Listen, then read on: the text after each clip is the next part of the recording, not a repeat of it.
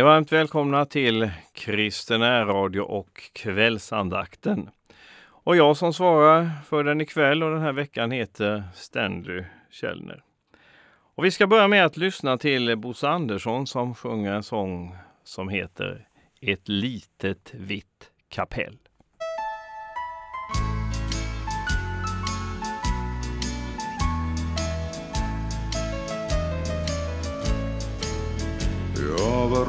Redan långt från stan där vi spelat under dagen. Var på väg mot ett jobb nästa kväll. Och i skymningen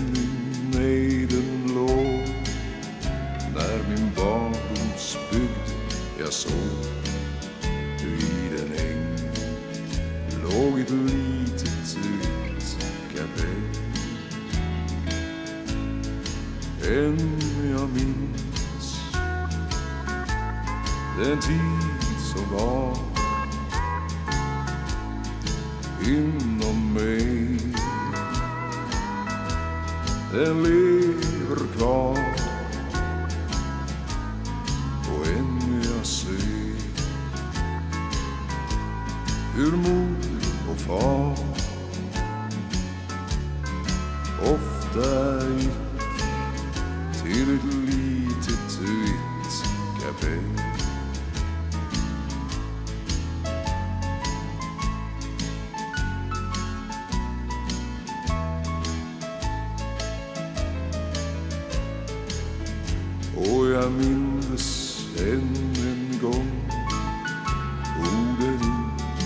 En gammal sång som vi sjöng tillsammans var kväll. Klippa du som brast för mig, låt mig gömma mig i dig. Sjöng vi då i ett litet vitt kapell. Än jag minns. Den tid som var inom mig. Den lever kvar. Och jag ibland en längtan har att på nytt gå till barndomens kapell.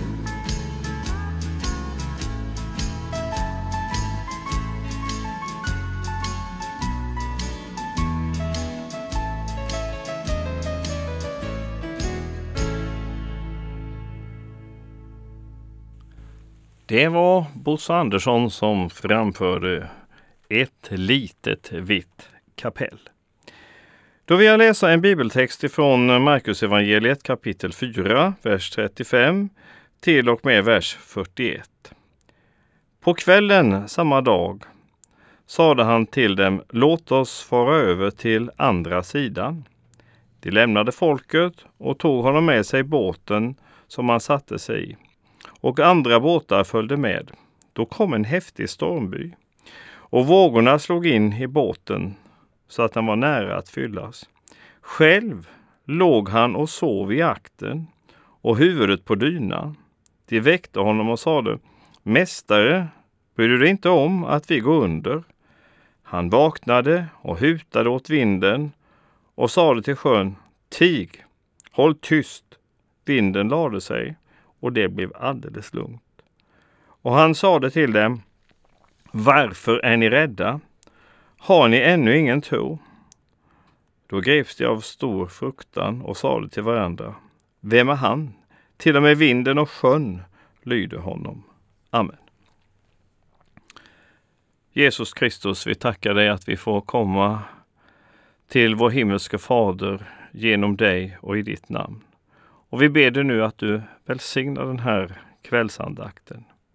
Vi ber dig att du är nära genom hjälparen den helige Ande, så att vi upplever att du styrker vårt inre och att vi får känna att du är oss riktigt, riktigt nära. Det ber vi om i Faderns, Sonens och den helige Andes namn. Amen.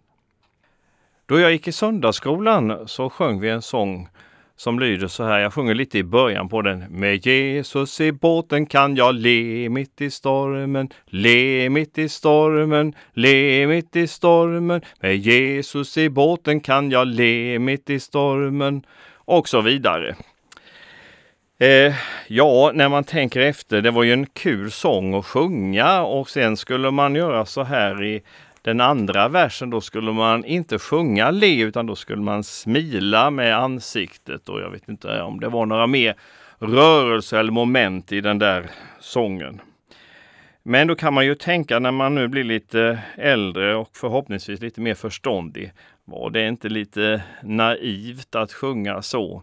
Är man utsatt för en storm då kanske man inte smilar och är så glad precis utan eh, känner att det är hotfullt istället. Men jag ska återkomma till det där momentet. Kan man le mitt i stormen eller inte? För det första så kan vi utifrån den här texten konstatera att livet växlar oerhört snabbt. Både på det personliga planet och eh, i andra sammanhang. Till exempel att ett företag läggs ner och arbetarna och de anställda där blir arbetslösa och det kan komma väldigt hastigt. Och det kan vara andra företeelser som gör att vi upplever att det blir en förändring snabbt. Och vi har ju blivit påminda om det nu under den så kallade coronakrisen, hur snabbt det kan växla. Hur livet gick sin gilla gång i februari och så i slutet och i månadsskiftet till mars då blev det en total förändring. Så, så kan det vara. Om vi nu håller oss till eh, texten här så läser vi att Jesus själv låg och sov. Och det kan för många vara en sinnebild på hur vi upplever då det gäller Gud. När saker och ting inträffar i våra liv så tycker vi att då borde Gud vara där och gripa in omedelbart. Men ofta så upplever vi att Gud billigt talat sover. Men det är ju faktiskt inte Bibelns undervisning att han gör. Och det ser vi ju lite längre fram i texten. Trots allt så har Gud kontroll. Och i Gamla testamentet, där läser vi i psalm 121 och vers 4 att han sover aldrig. Han vakar ständigt. Han som beskyddar Israel. Så om vi då upplever att Gud sover, att Gud är passiv, så är det inte så. Utan på något sätt har ändå Gud den yttersta kontrollen. Lärjungarna blir ju förtvivlade. Och de är uppriktiga. De ler inte precis utan är nog snarare upprörda och eh, arga. Och de ger uttryck för sina innersta känslor. Väcker Jesus och säger precis som de har det och hur de känner det. Det kan emellanåt förefalla nästan som lite hädiskt att vi ska inte ifrågasätta Gud. Vi ska inte ge uttryck för vår aggression. Men läser man Bibeln så ser man att människor vågade göra det många gånger. Och jag tror inte att det missbehagar Herren att eh, göra på det sättet. Utan jag tror istället att Herren uppskattar när vi är uppriktiga och ärliga. För inför honom kan vi aldrig förställa oss. Det kan vi göra inför människor, men inte inför Gud. Och därför så behöver vi inte vara rädda att säga hur vi har det, hur vi känner det, därför att Herren tål att höra det där. Så det behöver vi inte skäms för, att vi är uppriktiga och ärliga. Jag tycker Jeremia fångar in det här så fint då han säger så här i kapitel 12 och vers 1. Herre, om jag vill gå till rätta med dig så behåller du dock rätten. Likväl måste jag tala med dig om vad som är rätt. Varför går det de ogudaktiga så väl? Varför har alla trolösa så god lycka? Här tycker jag Jeremia formulerar det så fint. Han vågar och vill uttrycka sina innersta känslor. Men han har också en respekt för att han har lite för snävt och kort perspektiv. Att Gud ser vidare. Och så tror jag vi ska se på det hela. Att vi vågar säga hur vi känner det, hur vi har det, men samtidigt ha en ödmjuk inställning inför Gud. Och så får vi se här då att Jesus griper in och stillar stormen. Ett gudomligt ingripande. Ett under. Och då kommer vi till den där frågan om vi kan le mitt i stormen. Ja, kanske inte smila precis. Men vi kan ändå, och det är en erfarenhet som många har gjort, trots att det har stormat till både fysisk och eh, bildligt talat, så kan man känna den här grundtryggheten. Och jag tror att det är det som åsyftas i den här söndagsgårdssången djupast sett. Att vi kan ändå känna att vi har en bastrygghet i Jesus Kristus. Här visar Jesus att han har allt under kontroll och han har till och med makt över naturen. Man brukar ju indela Jesu under i eh, fyra avdelningar. Jesu makt över naturen. Här har vi ett sådant exempel. För det andra Jesu makt över sjukdomar.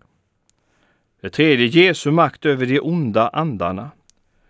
Och till sist Jesu makt över döden.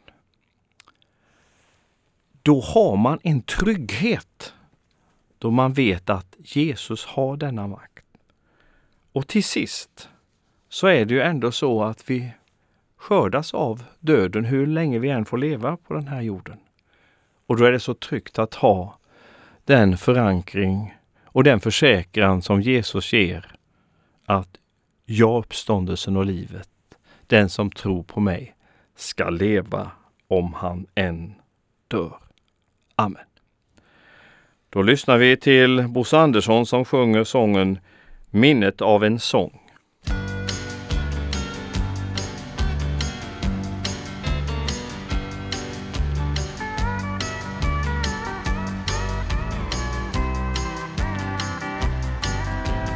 Jag har glömt bort platsens namn Men en jag kommer ihåg Mannen som satt där vid scenens kant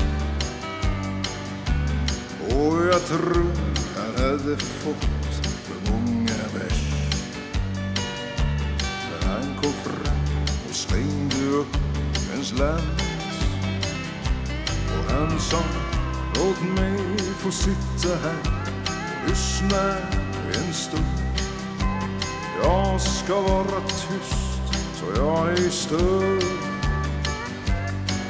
en sjö, en stad ovan molnen Det är något särskilt var gång jag den hör